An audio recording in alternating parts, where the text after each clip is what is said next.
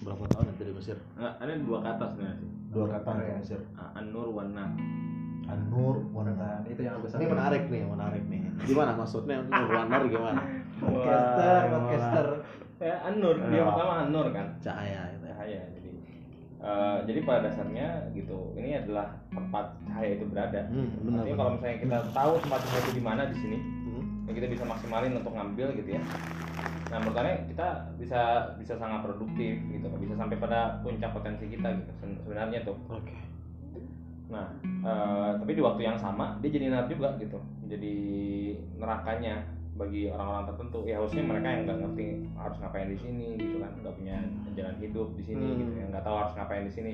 Ya itu jadi nar buat mereka gitu, nggak bisa ngapa-ngapain gitu. Ya belum lagi termakan sama birokrasi yang rumit di sini dan seterusnya itu bagian dari narnya tuh. Gitu. Ya, spending Ya terlalu banyak, menurut saya setengah. Mungkin kalau lima tahun ini dua setengah tahunnya kita di ngantri suun gitu. kan. Iya. Ya apalagi utur sulin sama syariah gitu.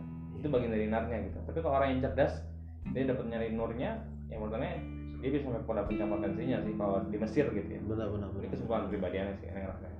apa satu cerita mungkin satu ada kesan tersendiri yang pernah antum Nggak, nggak, nggak ini nggak, nggak normal, nggak normal. rasain di Mesir oke yang paling antum ingat pokoknya satu kejadian ini kayak bikin Mesir antum banget, ter- banget. enggak terefek gitu efek ke diri besar gitu jadinya gitu mungkin ada Ya, banyak mungkin ya, Ya, cuman mungkin ya. ada beberapa Sebenarnya susah kalau ada, ada juga jadi nggak biasa. Iya. gitu.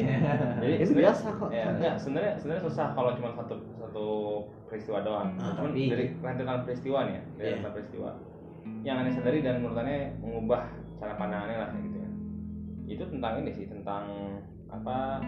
Tentang ilmu sih, tentang ilmu gitu. Jadi di sini aneh ketemu sama eh, orang yang benar-benar berilmu, nah kurang lebih gitu. Jadi itu mengubah perspektifnya tentang ilmu sih.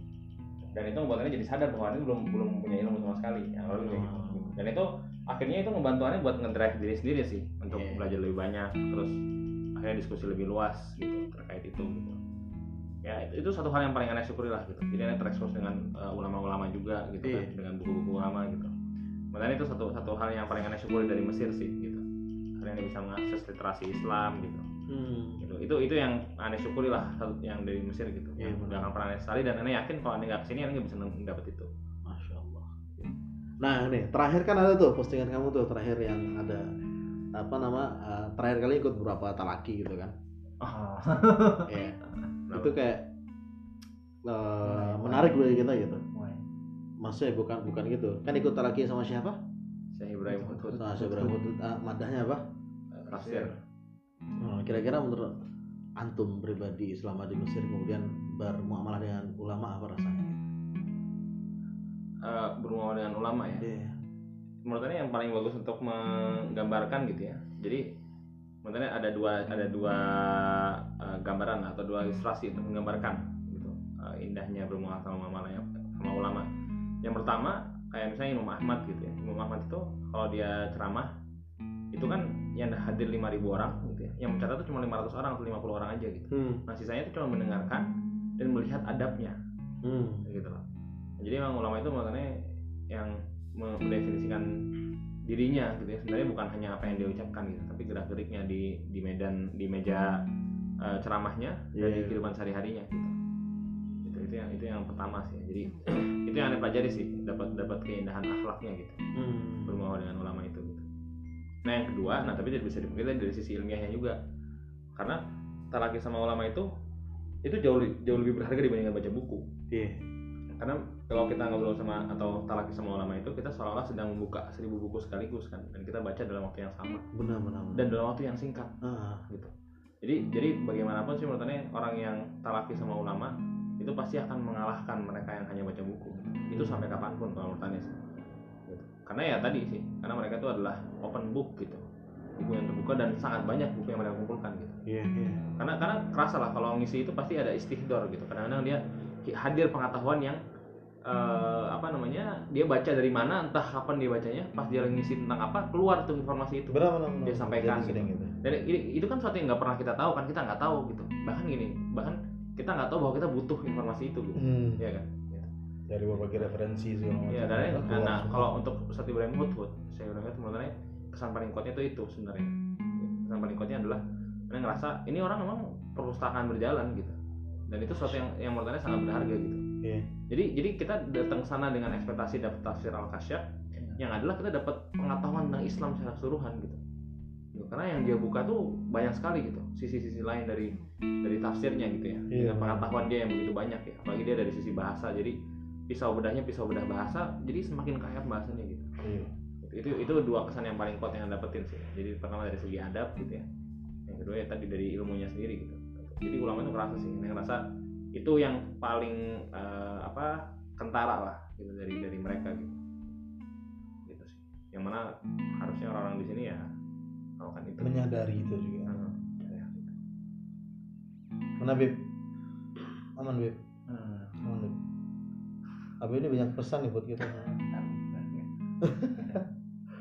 Emang kalau satu hal kira-kira kalian bertiga kan mualatul nih. Enggak, ini bukan podcast ini serius. serius, serius. Ya Allah. Kalau kalian bertiga mualatul nih. Apa satu hal yang rasanya paling disesali nggak didapetin gitu loh selama lima tahun atau enam tahun ini gitu. Atau mus ada mus. Satu hal yang rasanya tuh kayak kalau gue dikasih waktu panjang ini bakal gue kejar gitu loh. Enggak, Nggak, istri. Iya? Enggak, enggak bercanda bercanda. Ah. Tadi pengen ngejokes cuman aduh udah malam banget. Gak apa-apa, gak apa-apa. Ayo, ayo. Ya, enggak, udah, udah. Ada nggak?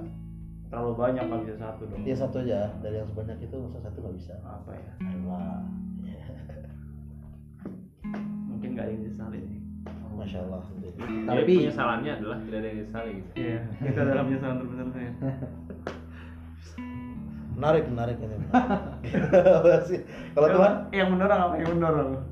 yang mendorong, enggak. Yang Tuhan kalau Tuhan. kalau kalau aneh sih kepakaran sih aneh ngerasa Kepakaran, kepakaran, ya. kepakaran yang aneh punya tuh eh, dengan waktu yang aneh punya harusnya lebih besar Hmm. kepakarannya ya tentu bahkan harusnya ada kepakaran aneh sama sekali merasa nggak punya kepakaran apa apa Iya. akhirnya Betul. yang aneh syukur itu aneh ada satu madah yang akhirnya berusaha aneh kuasai lebih lah Benar, ya benar. kan kayak sirah atau sejarah gitu ya Iya. nah cuman bagi aneh dari itunya pun masih kurang nah tapi sebenarnya yang lebih kentara lagi adalah ilmu lainnya gitu jadi aneh sebenarnya di awal tuh udah ya pengen belajar kayak hadis terus fikih ya kan sama Ketemu tafsir. saya. Tiga, Ya, ya, apa? canda. Ketemu Iya, saya. iya jadi tiga hal itu yang sebenarnya mau aneh pelajari tuh Hmm. gitu kan sama sejarah tentunya selain sejarah ya jadi aneh punya malak pingin punya malakah dari tiga hal ini nah tapi ternyata ya nggak tercapai yang tercapai cuma satu dari empat itu pun ya satu pun nggak jadi jadi amat gitu itu yang aneh sesali sih gitu sebenarnya Perjalanan menuntut ilmu panjang, maka masih ada kesempatan. Oke, Habib sekarang. Habib gimana Habib? Apa ya? Kalau kan sebenarnya concernnya kan bukan apa disclaimer disclaimer kan. Bukan akademik tapi ini lebih apa ya? Sebenarnya di sini tuh eh, apa concernnya itu yang banyak yang dapetin itu kan malah jadi pertanyaan yang eh, lebih ke self apa namanya self eh, development aneh sebenarnya sama self apa. Nah, tapi intinya kalau untuk penyesalan tadi ya penyesalan aneh sebenarnya yang aneh sesalkan eh, kalau bisa sih apa namanya aneh pengen tuh dari awal tuh udah punya self awareness ya. Tentang berbagai hal. ya apa tentang berbagai hal karena aneh Ini dari contoh itu ya sih. ya gitu kan ngalir aja hidup gitu. Ngalir. Iya, sampai ya itu apa titik ada Iya. di 2000 berapa 19 atau 2020 ternyata baru nemuin apa wah self apa awareness gitu tentang baru paham lah gitu tentang kehidupan lah istilahnya gitu Anak- kan. Kap- kapan health. menemukan itu? Hah? kapan menemukan itu? Setelah menikah. Enggak. Enggak, enggak sekarang enggak. nikah benar anak masih 2019 Mas. apa, apa momennya? Momennya ketika aneh. Pulang nggak sih? enggak enggak enggak pas lagi sini pas aneh ikut daurah matan jazariyah eh, apa namanya Allah, Syekh Allah. Nova Oh. Iya, cuma kan aneh sangat ini banget Iya C, ya Iya. C. sangat banyak apa namanya banyak ini lah ya banyak apa sih kayak punya ngerasa sangat berhutang budi lah gitu kan aluk Iya. gitu kan sama Ece karena itu pertama kalinya momen pertama kalinya aneh apa namanya ikut apa ya keilmuan yang benar-benar intens itu sih Hmm. ya sebelumnya kan ya udah luntang lantungnya itu organisasi lah atau yang Iya, intensitas, intensitas penting sih membentuk Nah, kebakaran itu karena intens banget tuh intens. Itu karena apa namanya karena ini sih karena utama Syekh Hanovanya sebentar di sini sebulan. Harusnya itu tiga bulan. Hmm. harusnya tiga bulan dan tiga bulan tuh seminggu berapa kali ini jadinya satu bulan se- sepekan tuh dia ada Empat. empat atau lima pertemuan. Dan itu dari pagi dari jam 8 jam 7 sampai sore gitu jam sore itu. Itu apa namanya itu sih yang yang membentukannya jadi wah gila jadi waktu itu nah, nah, nah, ya udah akhirnya dari situ tuh full full. ya. benar-benar apa jadi apa ya Sadar. se- gila, se- senikmat ini gitu apa ketika waktu itu habis buat belajar sih aneh baru ngerasain keilmuan tuh pas di situ sih Gitu sih. dan itu ya udah akhirnya dari situ banyak kebuka kebuka gitu kan ya deh sih intinya apa dan itu aneh ngerasa telat sih Ya. Nah, saya telat gitu. Kalau aneh dari dulu gitu kan mungkin aneh udah bisa dapetin ilmu yang lebih dari sekarang sih gitu. Sekali lagi waktu masih panjang kesempatan masih ada. Kembali ke Musab tadi kita ubah diksinya sedikit. Oke nggak disesali tapi yang pingin dikejar mungkin atau pingin dikuasai di sini mungkin ya yang resource-nya ada di sini gitu. Hah? Yang resource-nya kan ada di Mesir atau nggak Ah. bakal dapetin ini kalau Allah tuh. Yang Hmm. kira-kira tuh pingin pingin menguasai juga gitu. Oh, ya sama kayak Rehan tadi jawabannya. Apa tuh? Ya malah kayak yang bisa dikejar di sini. Ya. Ilmu-ilmu agama dan, dan seterusnya template-template template. Udah kan closing. Kasih layar lain. Oke, oke, enggak, enggak. Enggak, tapi udah mau. Enggak maksudnya. Kalau kalau misalnya mau coba berkontribusi ke diskusi ini ya. Dan mungkin berkontribusi ke diskursus Mesir yang lebih luas lah katakanlah. Selain ke yang template-template tadi ya. Sebenarnya ada satu hal yang menarik banget sebenarnya. Hmm. itu dari sisi kita sebagai pelajar Ya.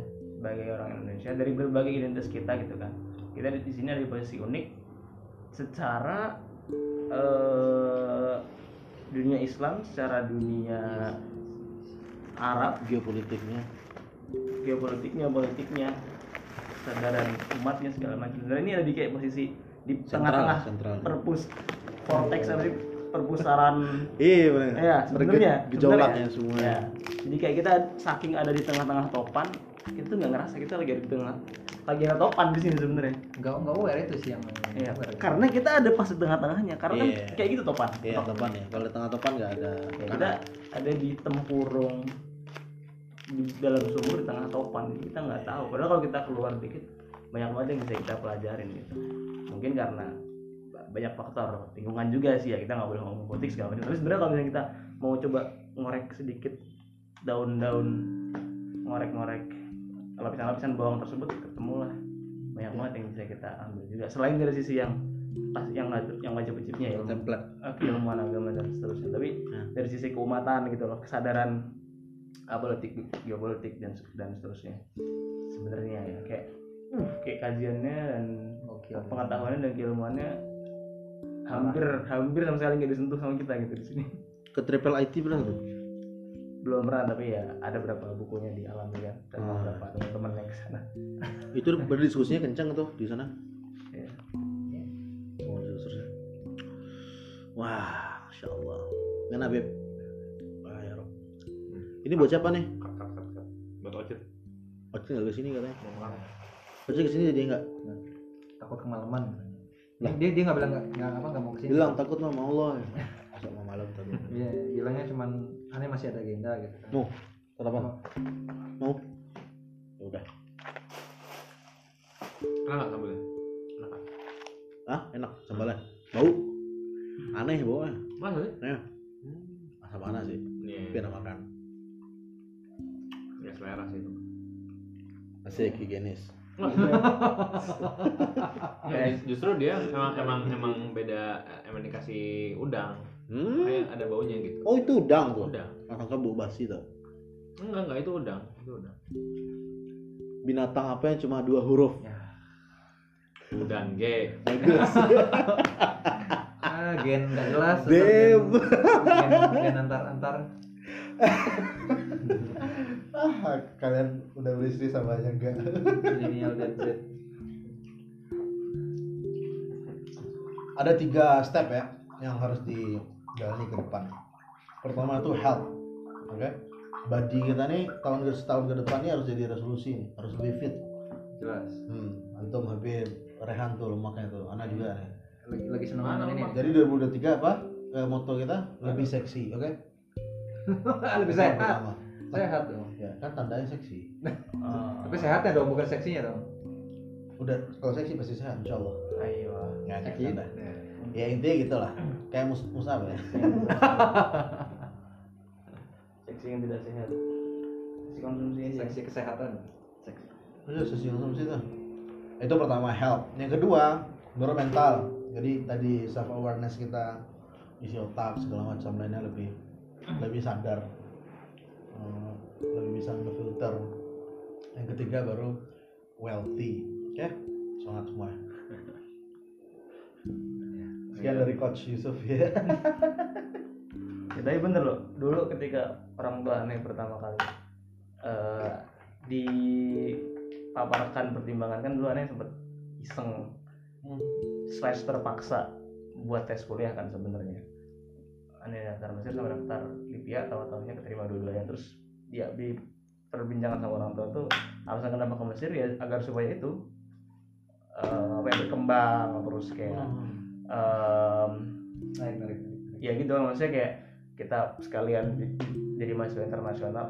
Nggak bilang gitu sih cuman paraphrasing intinya Iya, ya iya, iya. intinya gitu. Kayak ya udah sih kalau misalnya bisa keluar negeri kenapa nggak sekalian? Iya. dan ternyata setelah uh, berbagai lika-liku uh, pahit manis yang ada di Mesir ya emang ada benernya sih. Itu yang jadi salah satu poin penting yang dapat sebenarnya ya. Yang- setelah perputaran apa? Ya apa? Iya yang nggak mungkin dapat di Libya. Betul, dan juga yang mungkin banyak diimpikan sama pelajar-pelajar di Indonesia juga sebenarnya. Sure, sure. Gimana buat bisa benar-benar aware internasional? Ya. Banyak caranya, cuma kalau beneran pengen merasakan beneran dan bener-bener ada apa ya? Zuk, Ah, secara keumatan ya. Ghirah. Keislaman salah satunya sebenarnya di Mesir sebenarnya. Sih? Sama gue itu bil war'ah wal alam khatini min alam أنا شفت فيك مرمطة وعرفت في لد الظلام Alright, nah kasihan lu Habib dicari istri. mulai kerja sebenarnya Ya juga buat sebenarnya. jual besok Kerja apa? Aduh, Anak mau jadi Ustadz Tausil lah Dan gak ada yang manggil Ustadz lagi Iya, gue jadi Ustadz Tausil Ustadz Astagfirullahaladzim besok Tanggal 21 jam berapa? besok ada acara itu Iya, udah lah. Apa? Tanggal 21 tanggal berapa? Jam berapa? Maksudnya Jam 18.45. 12 18 18 18.45 ini Jam belum 6 ini ya belum kan masih lama Belum nih Jadi berangkatnya mungkin jam 3 lah, jam setengah tiga. Bisa asar gitu ya Ya, kalau bisa sebelum sih. Sebelum asar Hmm. eh, Berarti skip asar ini mau mau kapan ini ini mati dulu Iya. Yang sama DPI berapa ya? Ini ngikut ya.